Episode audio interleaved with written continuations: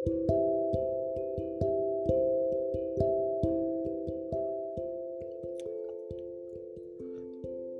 datang di podcast gua yang ke berapa ya ini? Episode Malam Bawang yang ketiga di hari Kamis minggu ke tiga di bulan Agustus. Uh, selamat datang, selamat mendengarkan. Gua Dani Selamat datang di podcast Petrikor.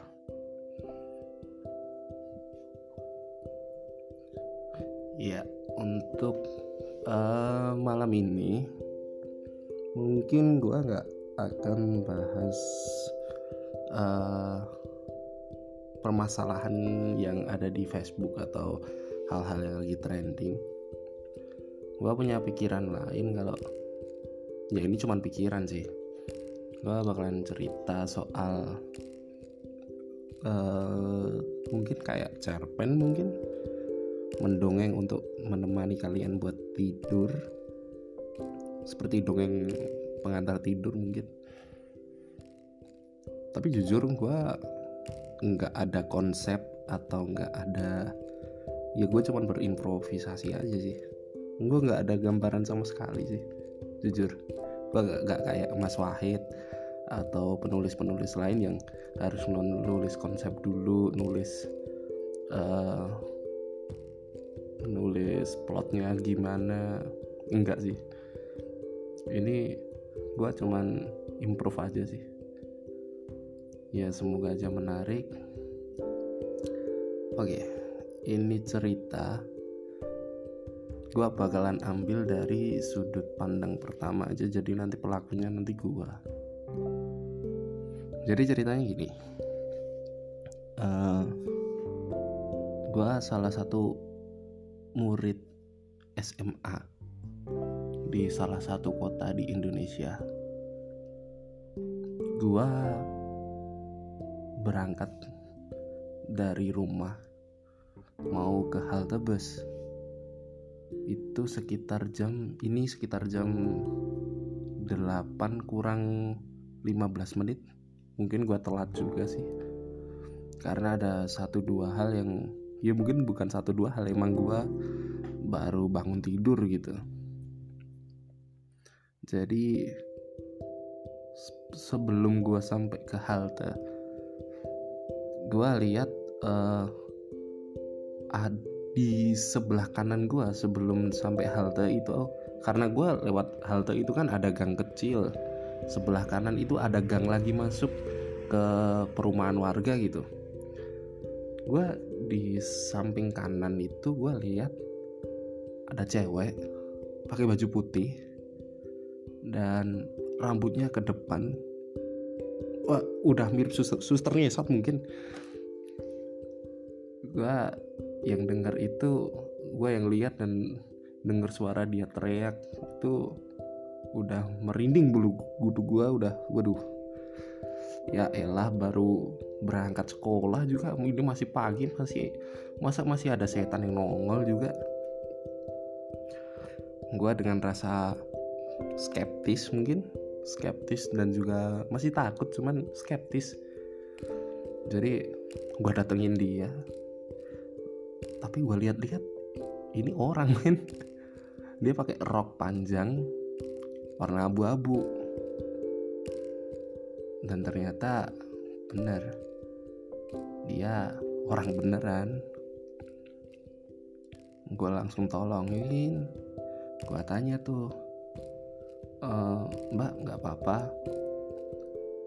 E, mbaknya cuma jawab iya nggak apa-apa. Makasih mas udah ditolongin waktu gue uh, angkat dia waktu gue bantuin berdiri dia bilang e, mas mohon maaf saya pakai kursi tadi. Terus kita ketika gue bingung dong lu kursi apaan coba? Lu saya habis itu gue tanya gitu e, kursi maksudnya kursi kursi apaan mbak? Dia cuma bilang kursi roda mas gue langsung kaget itu waduh. Tadi karena itu jalannya itu agak naik gitu. Mungkin dia jatuh tadi kursinya turun ke bawah gitu sampai ke pojokan. Ya udah gue uh, gue suruh duduk dulu mbaknya di pinggir jalan terpaksa gue ambil dah tuh uh, kursi roda yang udah turun ke bawah tadi gue ambil gue kan kalau uh, kursi roda itu ada rem semacam rem rem mungkin rem tangan mungkin. Ya kalau di mobil mungkin rem tangan gitu. Gue rem gue naikin mbaknya. Setelah mbaknya berdiri itu gue baru sadar di lengan sebelah kanan atau kiri ya mungkin di sebelah kiri itu ada tulisan SMA yang sama kayak gue ternyata kita satu sekolahan gitu setelah gue tanya ternyata kita satu angkatan. Dia memang anak baru sih. Dan dia baru pindahan bukan pindahan karena gimana gimana emang karena dia uh, ini ceritanya dia sambil jalan gitu sama gue ke halte bis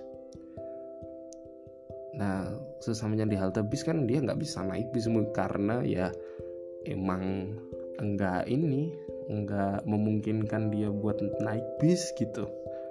Gue juga bingung sih kenapa dia bisa terlambat bisa anu kayak gitu gue nggak tahu sih. Dan setelahnya uh, dia nganterin gue sampai halte bis dan dia cuman bilang ya udah mas saya berangkat duluan aja. Saya pakai kursi roda aja nanti sedapatnya sampai sana jam berapa? Coba saya buat izin karena saya anak baru dan belum semoga aja dapat keringanan gitu dari satpam atau dari penjaga sekolah gitu. Gue dalam hati nggak enak dong ya masa anak baru cewek lagi. Tapi ya menurut gue kalau dari wajah sih enggak nggak cantik-cantik amat biasa aja gitu. Kasihan juga gua gua coba anterin. Ya udah pak gue gak jadi gak jadi beli, apa gak jadi naik bis aja. Gue dorongin gitu. Sambil jalan-jalan ya. Mungkin kalau jalan ya waktunya mungkin sekitar 5 bel nggak nggak lebih hampir 20 menit sih. Kalau jalan ya mungkin kalau naik bis cuman 10 menit mungkin. Cuman karena uh, bisnya itu satu jalur gitu aja. Jadi uh, bis banyak di situ variasinya dan lewat depan SMA juga gitu. Ya udah kan gue sama si cewek ini tadi uh, jalan bareng gitu ceritanya ke sekolahan. Dan sampai di pertengahan jalan di sela-sela keheningan itu dia nyeloteh. Apa masnya ini apa sekolah di sana kelas berapa gitu? Gua yang sebenarnya gue udah tahu dia satu angkatan sama gue cuman kan di apa samping sebelah kanannya itu ada tanda kelasnya gitu kan. Cuman karena posisi itu gue bawa jaket nggak tahu. Ya gue bilangin gue satu satu angkatan gitu satu angkatan kita mbak. Oh satu angkatan dan dia cuman bilang mas nanti minta tolong anterin ke guru ke ruang guru dulu buat ketemu wali murid saya gitu. Wali murid sama eh bukan wali murid wali oh iya wali murid ya kalau guru. Ketemu wali murid. Dan sampailah uh, sampai sekolahan juga terlambat. Gue ngeles aja sama itu satpam kan. Emang satpam ya tahu sendiri satpam sekolah SMA kayak gimana. Gue cuman bilang ya ya maaf pak tadi ini ada anak baru. Mau nganter apa mau uh, nunjukin jalan ke sekolah bareng gitu. Alasannya karena rumahnya juga lumayan deket. Gue jujur aja gue sampai sekolahan juga bingung sih. Bingungnya gini karena latar belakang gue di sekolahan itu gue ini orangnya gede gedut dan gimana ya sering jadi sasaran bully buat teman-teman gue jadi gue waktu berangkat sekolah juga bimbang sih. Sebenarnya juga pengen bolos tapi ya ya gimana? Kalau gue bolos ya gue takut kalau nggak naik kelas coy. Tapi ya udah amat lah yang penting gue berangkat dulu ntar di sekolah gimana ceritanya itu urusan belakangan lah. Setelah gue masuk ke dalam bareng sama dia gue anterin ke ruang guru dia cuma senyum. Makasih ya mas itu dia juga tanpa ada perasaan gimana gimana ya. Oh iya mbak. Sama-sama gitu. Kenalin nama saya Dani gitu. Ternyata nama dia Sinta gitu. Iya mas saya Sinta gua masuk ke kelas gua udah guru udah apa udah mulai pelajaran gue diomel-omelin setengah mati. Terlambat sampai setengah jam gila. Ya udah tapi gurunya juga nggak galak-galak amat sih cuma cuma diomelin doang. 5 menit mungkin. Habis itu gua duduk lagi ikut pelajaran. Dan setelah pelajaran ke jadi istirahat jadi itu setelah setengah jam itu hampir jam pertama udah hampir selesai. Soalnya per jamnya itu 45 menit kan. Jadi setelah jam keempat itu ada istirahat. Nah uh, oke okay, gue urutin deh ceritanya. Jadi setelah uh, pelajaran keempat mata pelajaran keempat jam keempat itu istirahat kan biasa gue kan emang hobi makan dari dulu. Emang badan gue gendut gila. Jadi ya makan lah di kantin gitu sampai-sampai gue dibully itu sama anak-anak kan. Biasa preman-preman sekolah tetap ada sih. Gue juga nggak tahu kenapa bahkan di dunia nyata pun preman sekolahan itu nggak tahu kenapa sih masih tetap ada gitu udah dikasih uang saku juga sama orang tua tapi masih aja malakin anak-anak yang lain. Jadi singkatnya gue dibully sama teman-teman buat uh, istilahnya jatah preman lah. Gue bilang ya karena duit gue juga mepet tadi uh, karena gue harus apa bayar utang yang di warung kemarin juga belum di kantin belum dibayar kan? Gue bayar dulu. Gue juga udah udah nggak enak sama ibu kantinnya. Gue dipalakin gue gak bawa duit tuh.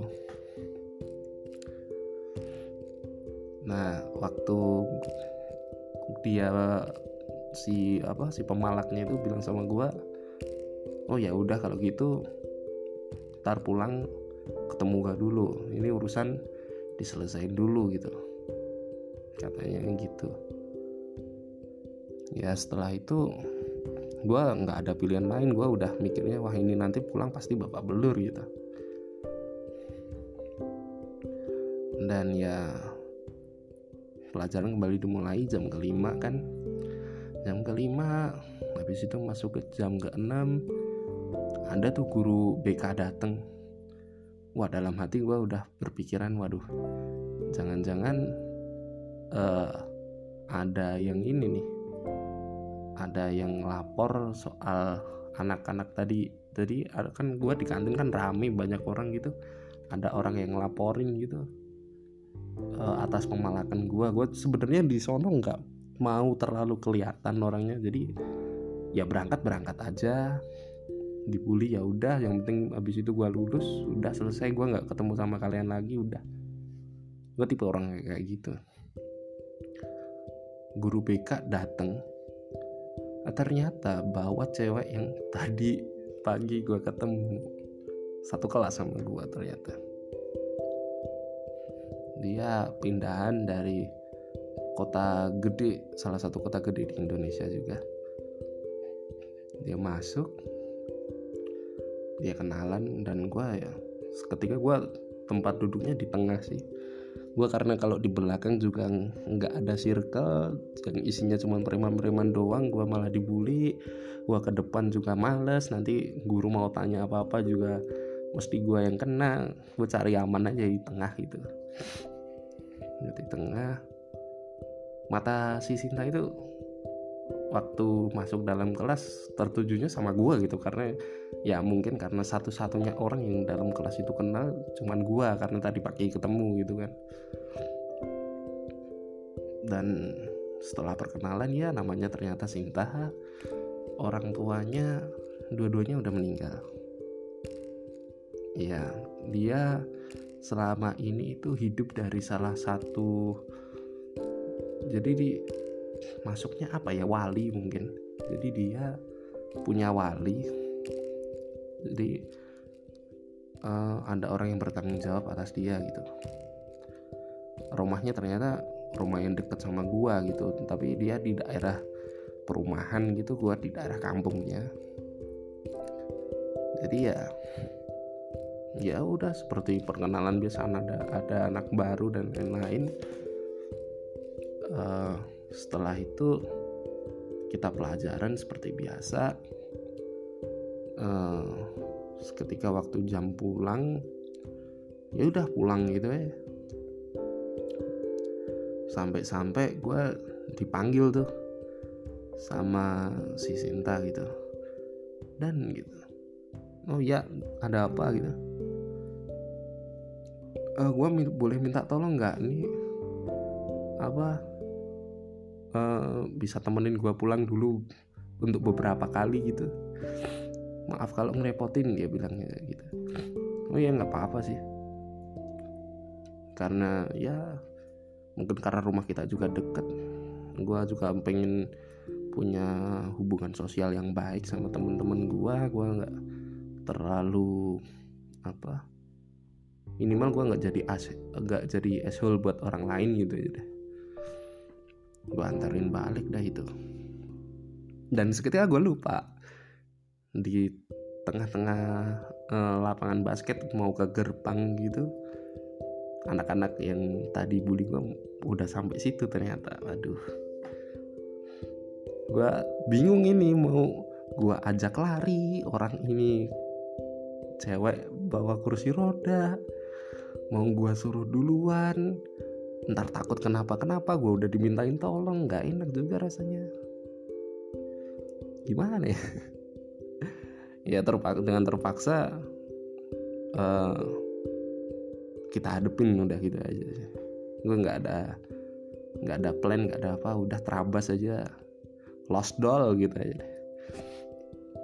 Udah terabas aja lah anjing. Nah kita jalan berduaan sampai kita udah lewat gerbang itu dipanggil gue tuh. Woi Dan urusan kita belum selesai tadi gimana dong? Jatah yang hari ini belum ada gitu.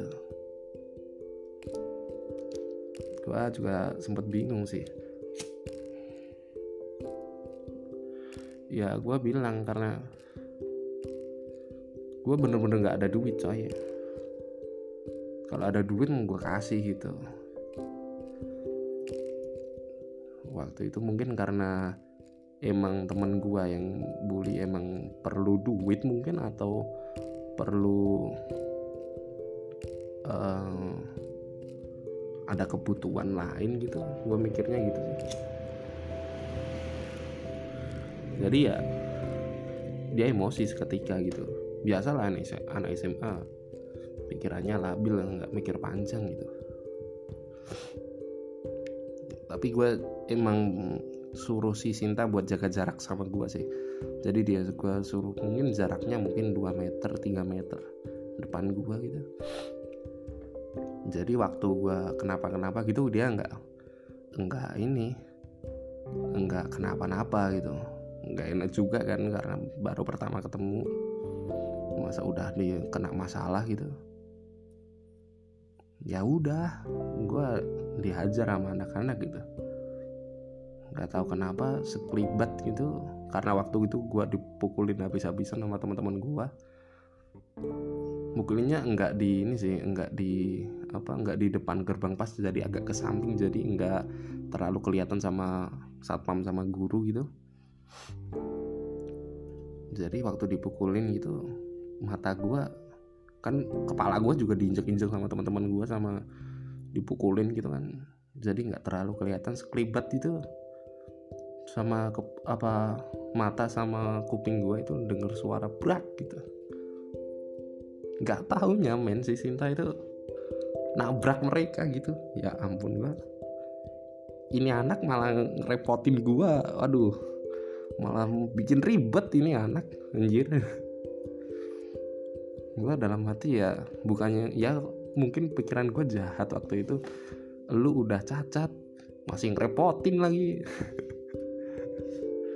Ya ya udahlah. Gue jadi laki-laki ya mungkin karena gue juga masih ada rasa iba gitu. Wah gini amat ini anak ya ampun ngerepotinnya. Terpaksa gue gendong gue taruh lagi ke apa ke kursi. Sempet dia juga dipukulin itu. Dipukulin dijambak ditarik gitu rambutnya. Gue juga dipukulin tapi udah bodo amat gue taruh itu Sinta ke kursi. Walaupun kursinya juga dipegangin temen gue gue dorong sekuat tenaga udah yang penting kita lari dulu udah dengan kondisi gue yang babak belur kan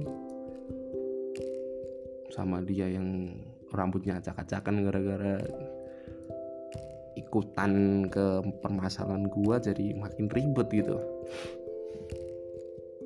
Kalau ditanya apa karena apa emang nggak ada gitu orang di sekitar gue yang mau bantu gue ya karena gue kurang kurang bersosialisasi gitu. Jadi emang karena prinsip gue kalau nggak penting-penting amat ya gue nggak nggak join ke circle orang lain nggak bersosialisasi. Jadi gue lebih baik punya teman banyak tapi nggak terlalu akrab. Jadi kepercayaan itu bisa dimaksimalkan gitu loh. Kan gini seiring dengan lu deket sama orang uh, otomatis dia tahu sisi baik dan buruknya lo dan gue nggak mau sisi baik apa sisi buruk gue itu diketahui sama orang banyak gitu. Jadi ya biar orang-orang taunya baik-baik aja jadi tapi harga yang harus gue bayar ya gue nggak terlalu deket sama orang-orang di sekitar gue gitu. Jadi ya ya udah kita pulang dalam keadaan babak belur dan gue nggak naik bis lagi. Karena ya itu tadi mumpung ada duit sisa yang tadi pagi nggak jadi naik bis ya gue bayar utang di warung gitu ya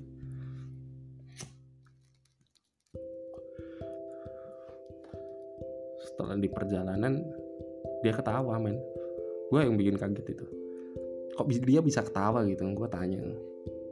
Lu gila ya? Enggak ini baru pertama kalinya gue dirasain gitu.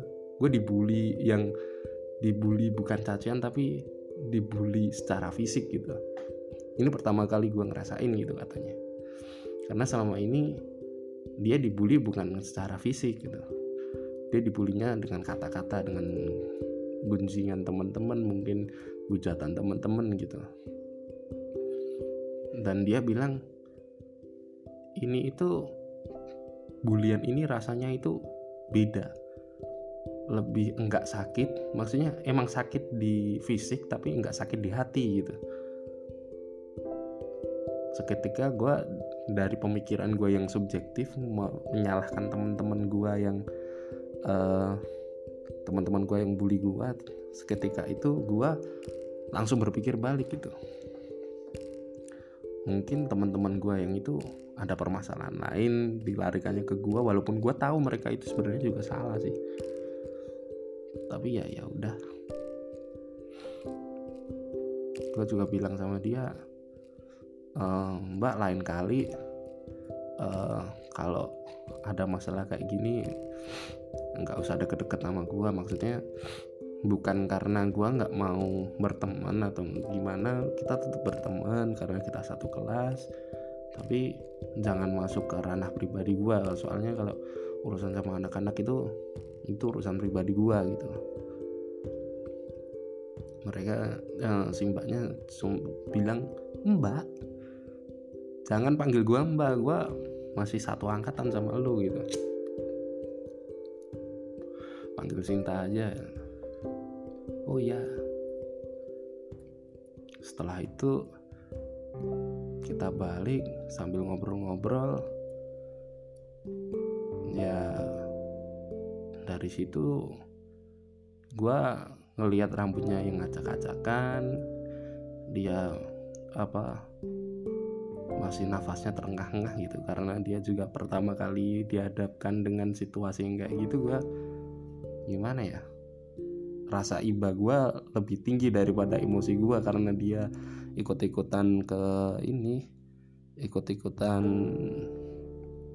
permasalahan gue pribadi gitu jadi ya ya udah. Malah gue men menemukan sosok yang saat gimana ya lebih susah dia daripada gue gitu. Dari situ gue sadar gitu. Oh ternyata ada orang yang lebih susah daripada gue ya. Nah sampai ke halte bis tadi dia ngomong gitu aku boleh main gak ke tempat kau? gitu. Sekali aja. Nanti kalau ada PR atau ada apa-apa bisa um, mampir ke tempat kau dan gitu. Gue juga bilang ya nggak apa-apa sih. Tapi rumah gue jelek kecil cuman gubuk doang. Karena orang tua gue juga bukan orang yang uh, kaya gitu. Orang tua gue juga biasa-biasa aja. Cuman uh, pedagang di pasar gitu ya udah mampirlah ke tempat gue gitu. Dan uh, dia waktu masuk itu nangis coy. Dia nangis. Maksudnya nangis bukan berarti nangis yang seru gitu enggak. Dia cuman ini kalau orang Jawa bilangnya berebus jadi air matanya berlinang gitu aja. Mungkin bahasa Indonesia kayak gitu. Dia bilangnya waktu pulang kan gue disambut tuh sama uh, gue punya adik adik dua orang yang satu masih kecil sama orang tua gue masih komplit gitu. Gue waktu pulang tuh disambut oh udah pulang tuh dan itu muka kenapa? Gini gini gini gini gini gini. Gue ya, ya ya biasa aja yang bi emang namanya orang tua kan. Ya gue cuman bilang gue jatuh tadi lo kok bawa temen? gitu. Suruh masuk gini gini gini. Waktu gue lihat ke cintanya ya dia nak eh, kayak nahan air mata gitu. Gue suruh dia masuk. Uh, eh, gue bikinin waktu itu Marimas. Eh kok Marimas? Nutrisari. Ya ampun Marimas. Tua banget ya gue gue bikinin Nutrisari itu gue suruh minum dulu sambil ya cerita-cerita dikit gitu. Dan dia juga bilang uh, orang tuanya kan dia rindu banget suasana kayak gini gitu. Soalnya dari lama dari semenjak dia kecil gue dia nggak bilang tepatnya itu dari kecil dari kapan pokoknya dia bilangnya aku dari kecil juga kayak gini gitu. Maksudnya uh, waktu aku kecil itu waktu pulang main gitu disambut sama orang tua gue gue kangen keadaan kayak gini intinya kayak gitu gue seketika jadi bersyukur dengan keadaan gue yang sekarang gitu. Ternyata di luar itu masih banyak yang harus gue syukurin. Hal-hal yang sepele hal-hal yang menurut gue itu biasa aja nggak patut buat di uh, di gimana ya? Itu bukan sesuatu yang spesial mungkin menurut gue tapi ternyata itu hal yang spesial buat orang lain gitu. Gue menganggapnya waduh ini gue punya hal yang patut gue syukurin punya hal yang patut gue ingat-ingat dan gue camkan bener-bener ya gitulah. Dan kan pulang jam satu satu ini jam satu siang. Nah asar dia pamit balik gitu. Waktu dia pamit balik ya gue inisiatif dong gue kasihan juga nanti kalau dia belum tahu jalan atau gimana gue antar sampai rumah dah gitu. gue antar lah dia ternyata dia tinggalnya itu di kosan pak. Dia tinggal di kosan sendirian pula. Gue cuma tanya di mana walinya dia? gitu. Ya dia waktu ke, dari kecil itu waktu orang tuanya nggak ada dia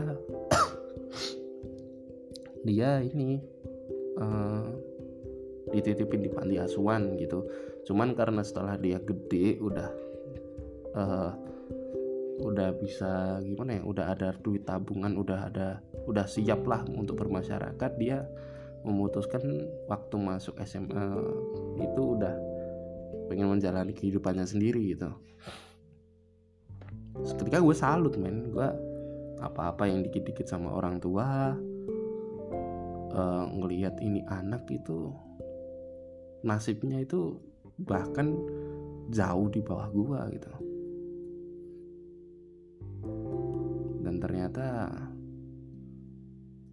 gue lihat ada uh, tumpukan buku ada banyak tumpukan buku dan juga ya biasalah kamar kamar kosan kalau kita lihat dari depan pintu gitu kan udah kelihatan semuanya kan. Gue bukannya nggak sopan atau gimana tapi ya mau gimana lagi emang kelihatan. Ya waktu itu udah sampai depan kosan dia buka pintu gue pamit. Pulang gitu. Dia cuman bilang makasih ya dan buat hari ini. Uh, gue seneng banget bisa hari pertama udah dapet temen gitu. Dan temennya enggak kayak teman-teman dia yang dulu katanya. Gue seketika langsung kaget gue juga ada rasa penasaran ini emang masa lalunya dia masih ada yang lebih parah lagi kah? Atau lebih gimana ya? Lebih mengerikan dari gua gitu? Dan ya setelah itu gue tinggal pulang balik gitu ya. Ya udah nanti kalau ada apa-apa sekiranya lo nggak bisa bisa minta tolong ke gua gitu. Kan rumah juga deket. Cuman palingnya berapa ya? 500 meter mungkin 500 600 meter deket sebenarnya. Cuman yang gak deket-deket banget nggak kayak samping rumah gitu enggak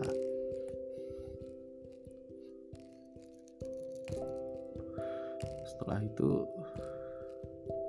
hari berganti pokoknya ya hari-hari kita biasa sih gue kalau setiap berangkat sekolah gue bareng dia uh, biasa ya udah kayak gitulah. Cuman karena permasalahan uh, soal pembulian tadi gue jadi uh, kalau pulu, pulang itu selalu uh, lebih telat daripada dia gitu. Gue suruh dia duluan dulu nanti ketemu di sana gitu. Kalau mau bareng kalau enggak yang nggak apa-apa lu duluan aja gitu gue pokoknya gitu. Dan pembelian masih aja tiap hari sih. Selama gue nggak bayar setoran nggak bayar ini ya tetap diajar sama temen-temen. Dan yang lebih menarik lagi setelah gue gimana ya? Setelah gue lebih kenal lebih deket lagi ya gue lihat dia ya mungkin wajar sih emang gue cowok gitu ya. Dia lihat cewek karena dia juga uh, lebih deket sama gue apa apa sama gue gitu. Pulang apa bareng berangkat bareng. Mungkin timbul rasa suka. Maaf gue batuk ah ya gitu deh. Mungkin timbul rasa suka karena ya wajar sih karena gue cowok juga gitu kan. Sampai-sampai suatu saat waktu gue berangkat sekolah gue sampai sekolah nggak lihat dia. Gue penasaran gitu dia dia ke mana biasanya berangkat bareng gue waktu itu gue samperin ke kosannya kok kosong gitu. Nggak ada tanda-tanda kehidupan. Gue pikir alah paling juga udah sampai sekolahan duluan. Sampai sekolah ternyata nggak ada juga. Nggak ada juga. Gue mungkin pikiran gue ya ah mungkin dia ada keperluan sama walinya mungkin. Sampai tiga hari gue udah di ambang batas gitu gue tanya ke guru BK e, Pak ini teman saya nggak berangkat ke mana? Gitu. Guru BK nya cuma jawab maaf ma apa maaf ini soalnya masalah privasi. Jadi uh, dari pihak guru BK udah tahu sebenarnya masalahnya cuman ini nggak pantas buat dicerita. Dia udah bilang sebelumnya kalau jangan sampai ada teman-teman yang tahu soal permasalahan ini gitu. Gue juga oh kalau gitu berarti enggak semua temen-temennya itu maksudnya ya gue menghargai privasi dia intinya gitulah. Sampai-sampai setelah satu minggu dia baru balik gitu. Tapi dengan keadaan yang uh, jadi tiga jari. Enggak enggak gini sih. Dia berangkat seperti biasa. Gue nggak ngelihat ada yang aneh gitu. Cuman gue tanya nggak berangkat berapa hari? Ke mana lu? Gitu. Oh biasa. Ada urusan sama wali gitu dia gue juga mau bertanya lebih dalam juga. Nggak enak karena mungkin gue menghargai privasi. Soalnya dari awal gue juga pengen nggak pengen privasi gue dibong dibongkar itu juga nggak terlalu suka. Kecuali emang karena gue juga pengen orang tahu gitu. Dan sampai sekolahan uh, dia nulis itu cuman pakai dua jari. Nulisnya itu bener-bener susah buat dia. Sampai waktu istirahat itu gue tanya lu nulis kok kayaknya susah bener gitu. Kenapa sih lu? Ternyata uh, jari dia sakit gitu. Kemarin uh, ke rumah sakit gara-gara jarinya uh, kesleo gitu katanya. Gara-gara apa?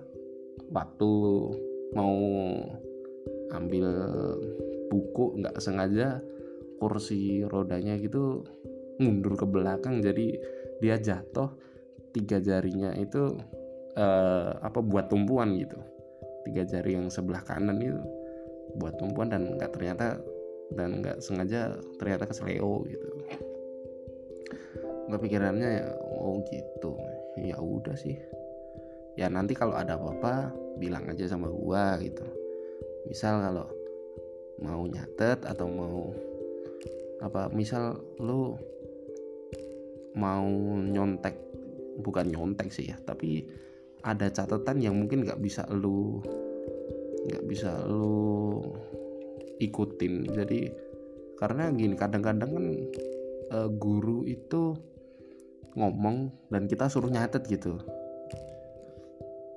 Dan ya selama guru ngomong ya kita selalu nyatet selalu ini takutnya dia nggak bisa ngikutin gitu gue udah bilang sama dia kalau ada apa-apa bilang aja sama gue nanti gue pinjemin catatan gitu. Kalau mau lu salin atau gimana bebas nantilah. Dia cuma senyum doang gitu. dan mulai saat tanpa gue sadarin entah dari kapan mungkin dari pertama ketemu dia senyum itu emang cantik sih. Mulai beda pandangan gue ke dia gitu. Dari cuman perasaan temen gue nggak tahu ini karena rasa iba atau emang bener-bener gue suka sama dia gitu. Gue berharapnya sih ini bukan cuman perasaan iba doang gitu. Ini emang bener-bener perasaan suka gitu. Di sisi lain juga karena gue belum pernah pacaran sama orang gitu. Gue memandang pacaran itu ya pacaran itu ada ekspektasi dari dua orang yang gimana ya? Soalnya antara ekspektasi apa ekspektasi itu kan lebih semacam harapan. Cuman gini harapan itu soal uh, jangka panjang kan dan lebih sifatnya itu pasif. Tapi kalau ekspektasi kan uh, jangka pendek tapi uh, kesannya aktif gitu. Jadi menurut gua pacaran itu uh, ekspektasinya itu lebih impossible mungkin menurut gua. Jadi kalau pacaran itu lebih banyak lebih sakit hatinya lebih banyak gitu. Makanya gue dari dulu nggak terlalu tertarik sama cewek sampai si Sinta datang dan ya mungkin dari situ gue udah pindah pandangan dari seorang temen biasa ketemu di pinggir jalan karena dia jatuh gue kira itu suster ngesot. Jadi sosok cewek yang bener-bener gue suka gitu. Mungkin lebih, mungkin nggak cuman suka lebih ke arah cinta mungkin. Dan ya waduh udah 40 menit mungkin. Gua bikin 40 menit aja ya kali karena storynya mungkin sampai sini dulu aja mungkin gua lanjut ke episode kedua. Karena di sisi lain karena uh, jaringan gua itu karena pakai uh, smart teman smart teman yang katanya I hate slow itu. Tahu kan smart teman nah itu lemotnya setengah mati main gue upload uh, podcast yang kemarin-kemarin panjangnya cuma 30 menit 40 menit itu sampai satu jam gitu. Mungkin gue lanjut lagi episodenya uh, dongeng ini. Mungkin besok kalau gue ada waktu mungkin gue uh, gue sambung lagi tapi untuk podcast yang apa yang bahas soal serba-serbi hal trending dan lain-lain mungkin akan gue bawain mungkin bakalan gue upload siang hari besok. Mungkin doain aja kalau ada waktu gitu. Soalnya kalau itu gue perlu nyari materi perlu ini. Jujur aja gue ini itu bingung. Bingungnya karena gue nggak ini nggak ada persiapan sama sekali buat uh, bikin podcast hari ini. Gitu. ngomong bikin podcast apaan ya? Nggak ada materi cuman karena gue pengen hari ini record gitu. Record bikin podcast cuman nggak tahu materinya apaan. Ya storytelling kayak gini aja lah. Semoga kalian juga terhibur. Uh, coba buat kalian yang mungkin ada saran atau mungkin ada kritik atau ada uh, ada apa ya ada saran-saran gitu mungkin bisa ke Facebook gua atau ke Instagram atau ke Discord gua juga ada. Uh, Facebook gua Padaran Didani P A D A R A N D I spasi D H A N Y atau di Instagram gua di R A N D I underscore D H A N Y atau di Discord di uh, Dani hashtag eh enggak di Discord. Itu ID gua Patrick Star P A T R I C K spasi S T A R hashtag 6737 mungkin itu aja dulu buat hari ini karena suara gue juga serak. Mungkin hari ini lagi gak enak badan juga. Meriang. Mungkin gua bakalan gue lanjutin lagi besok.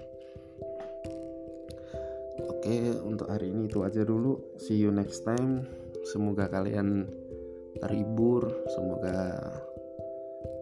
uh, hari kalian lancar. Gua Dani dari Petrikor Podcast. Goodbye